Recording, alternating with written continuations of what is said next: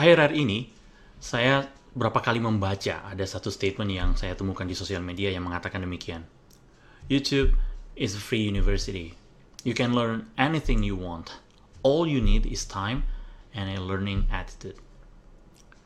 Saat saya memikirkan kembali pernyataan ini, saya kemudian menyimpulkan bahwa pernyataan ini tidak sepenuhnya benar. Ya benar, kita bisa menemukan banyak informasi penting, kita bisa belajar banyak keterampilan yang esensial di YouTube. Tetapi untuk mendapatkan hasil belajar yang maksimal, kita harus melakukan satu hal penting ini. Apa kira-kira hal yang saya maksudkan dan mengapa hal ini begitu krusial? Nah, sebelum lebih lanjut, saya mau memperkenalkan diri terlebih dahulu. Saya Heinz Wokas, dan di kanal ini, saya senang berbagi hal-hal terkait self-development maupun leadership development. Kalau kalian baru pertama kali berkunjung ke kanal ini, maka saya ajak untuk kalian subscribe terlebih dahulu dan pastikan kalian juga mengaktifkan lonceng supaya mendapatkan notifikasi setiap kali ada video baru yang diunggah di kanal ini.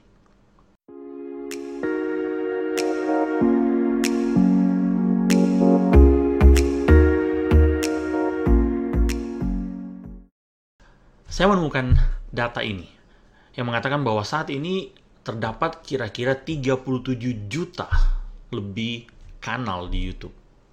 Dan bagi kebanyakan orang, melihat angka ini tentu bukan angka yang kecil ya.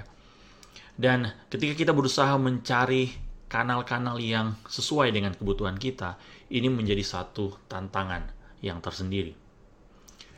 Jadi ketika kita melihat bagaimana perjalanan belajar kita, penting sekali untuk kita mencari atau kita filter ya kanal-kanal yang memang sesuai dengan kebutuhan belajar kita.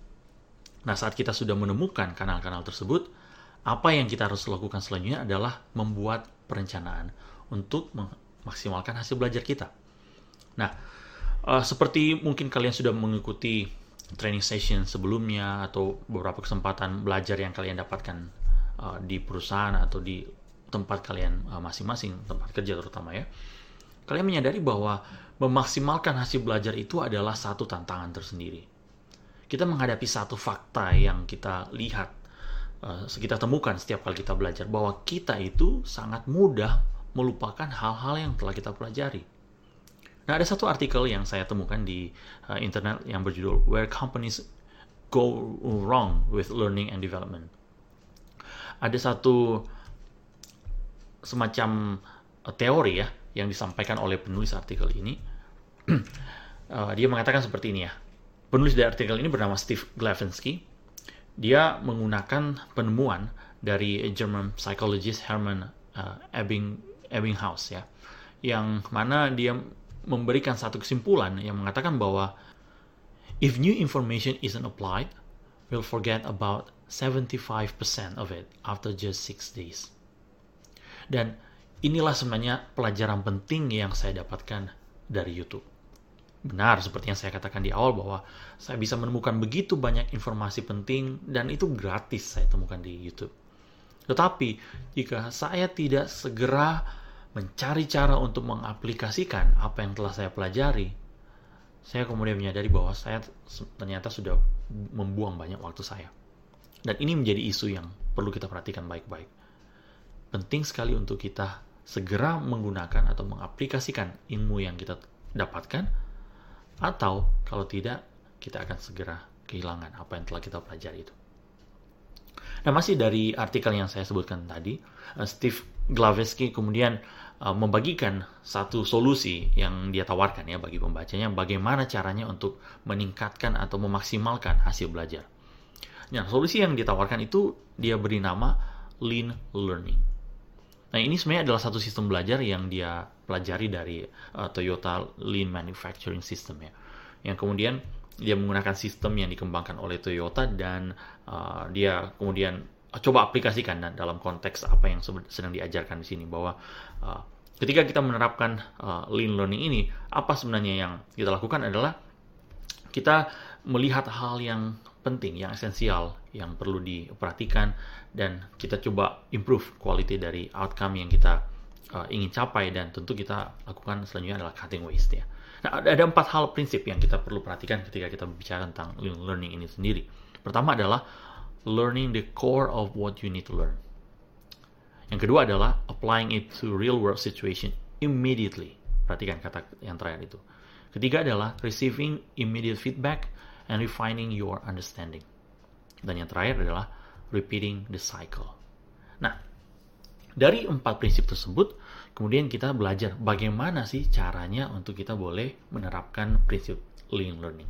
Nah, ada lima hal yang kita bisa coba pelajari dan kita menurut saya pribadi bisa kita langsung aplikasikan dalam konteks kita masing-masing. Yang pertama adalah dia mengatakan bahwa ketika kita menerapkan lean learning, kita harus menerapkan apa yang telah kita pelajari. Mungkin sebelumnya Anda juga sudah belajar prinsip Pareto. Ketika kita mengaplikasikan prinsip ini, ya tentu kita berpikir dengan pola 80-20 ya. Jadi memikirkan 20 hal esensial untuk memengaruhi yang 80. Jadi dia memberikan contoh kira-kira seperti ini. Kalau kita ingin meningkatkan kemampuan berbahasa Inggris kita, apa yang perlu kita lakukan? kita perlu fokus kepada 20% dari kata atau frase yang kita temukan yang kira-kira itu 80% itu selalu muncul ya dalam percakapan atau di artikel yang kita baca atau di buku. Dan apa yang kita perlu lakukan selanjutnya adalah kita mengaplikasikan apa yang telah kita pelajari dalam perbincangan uh, yang uh, actual tentunya ya. Dan sebisa mungkin kita mendapatkan rekan uh, native speaker untuk kita mempraktikkan apa yang telah kita pelajari. Nah, hal yang kedua yang kita perlu perhatikan ketika mengaplikasikan learning yaitu segera mengaplikasikan apa yang kita pelajari itu dalam konteks real world situation. Nah, ini menjadi satu tantangan tersendiri karena kebanyakan ketika kita itu duduk di ruang kelas, kita memerhatikan begitu banyak teori dan kita pikir ketika kita sudah store informasi itu, kita pikir itu bisa kita langsung aplikasikan. Kenyataannya tidak begitu mudah kita perlu segera mencari cara bagaimana supaya kita bisa menemukan konteks dalam uh, real world situation untuk segera mengaplikasikan apa yang kita pelajari. Hal yang ketiga adalah leverage guided learning. Nah, apa yang dimasukkan dengan uh, hal ini? Yaitu ketika kita berbicara guided learning ini adalah sebenarnya berbicara tentang uh, pembelajaran yang berkelanjutan ya. Yang prinsipnya kembali seperti yang sudah saya sampaikan di sebelumnya adalah mengaplikasikan itu dalam live application jadi tidak bisa hanya sekadar menjadi satu teori dan tidak kita pikirkan bagaimana mengaplikasikannya dalam konteks uh, real world situation. Dan keempat adalah personalized content. Nah, ini sebenarnya lebih berbicara tentang bagaimana cara kita belajar. Nah, memang ini debatable ya. Saya tahu ketika kita berbicara tentang learning style, ada yang uh, kurang setuju, itu harus dikelompok-kelompokkan. Tapi dalam pengalaman kita tahu bagaimana sebenarnya cara belajar kita yang paling efektif. Nah, kita perlu tahu masing-masing ya kemampuan kita supaya kita bisa uh, mengaplikasikan prinsip ini ya, yaitu personalized content. Dan yang terakhir adalah activate peer learning. Nah, dalam proses belajar yang kita lakukan ini penting sekali untuk kita menemukan rekan belajar. Karena ketika kita hanya belajar sendiri itu tidak terlalu signifikan. Tapi ketika kita bisa menemukan rekan dalam proses belajar, kita akan menemukan banyak sekali pengetahuan atau keterampilan kita itu bisa kemudian diimprove secara signifikan. Nah, mengevaluasi kembali apa yang sudah saya sampaikan semua yang dari awal uh, sampai ke bagian ini, saya kemudian memikirkan satu hal. Kalau kalian adalah pemirsa setia dari Sketch and Angle, kalian tahu bahwa ini adalah episode ke-50 dan ini menjadi suatu perjalanan yang sangat luar biasa. Hampir satu tahun saya menyiapkan seluruh seluruh uh, konten-konten yang sudah saya sajikan. Dan bagi saya ketika kita, saya memikirkan apa yang saya sajikan di episode hari ini, saya merasa bahwa ini adalah takeaway yang paling esensial mungkin yang saya bisa tawarkan kepada kalian. Karena ketika kita hanya belajar dan kita tidak memikirkan bagaimana mengaplikasikan apa yang telah kita pelajari ini menjadi satu hal yang sebenarnya seperti sia-sia. Karena itu saya langsung mendorong kalian Ketika selesai menonton video ini, langsung coba pikirkan dari semua pelajaran-pelajaran yang sudah saya bagikan sebelumnya. Bagaimana kalian merencanakan untuk mengaplikasikan apa yang telah kalian pelajari. Dan jika kalian telah mengaplikasikan apa yang telah kalian pelajari, saya ajak untuk kalian boleh berbagi di kolom komentar sehingga kita boleh melanjutkan diskusi.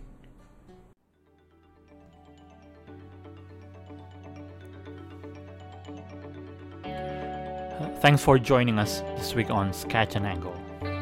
If you found value in the show, we would appreciate if you would simply tell a friend about the show. And be sure to tune in next Monday for our next episode.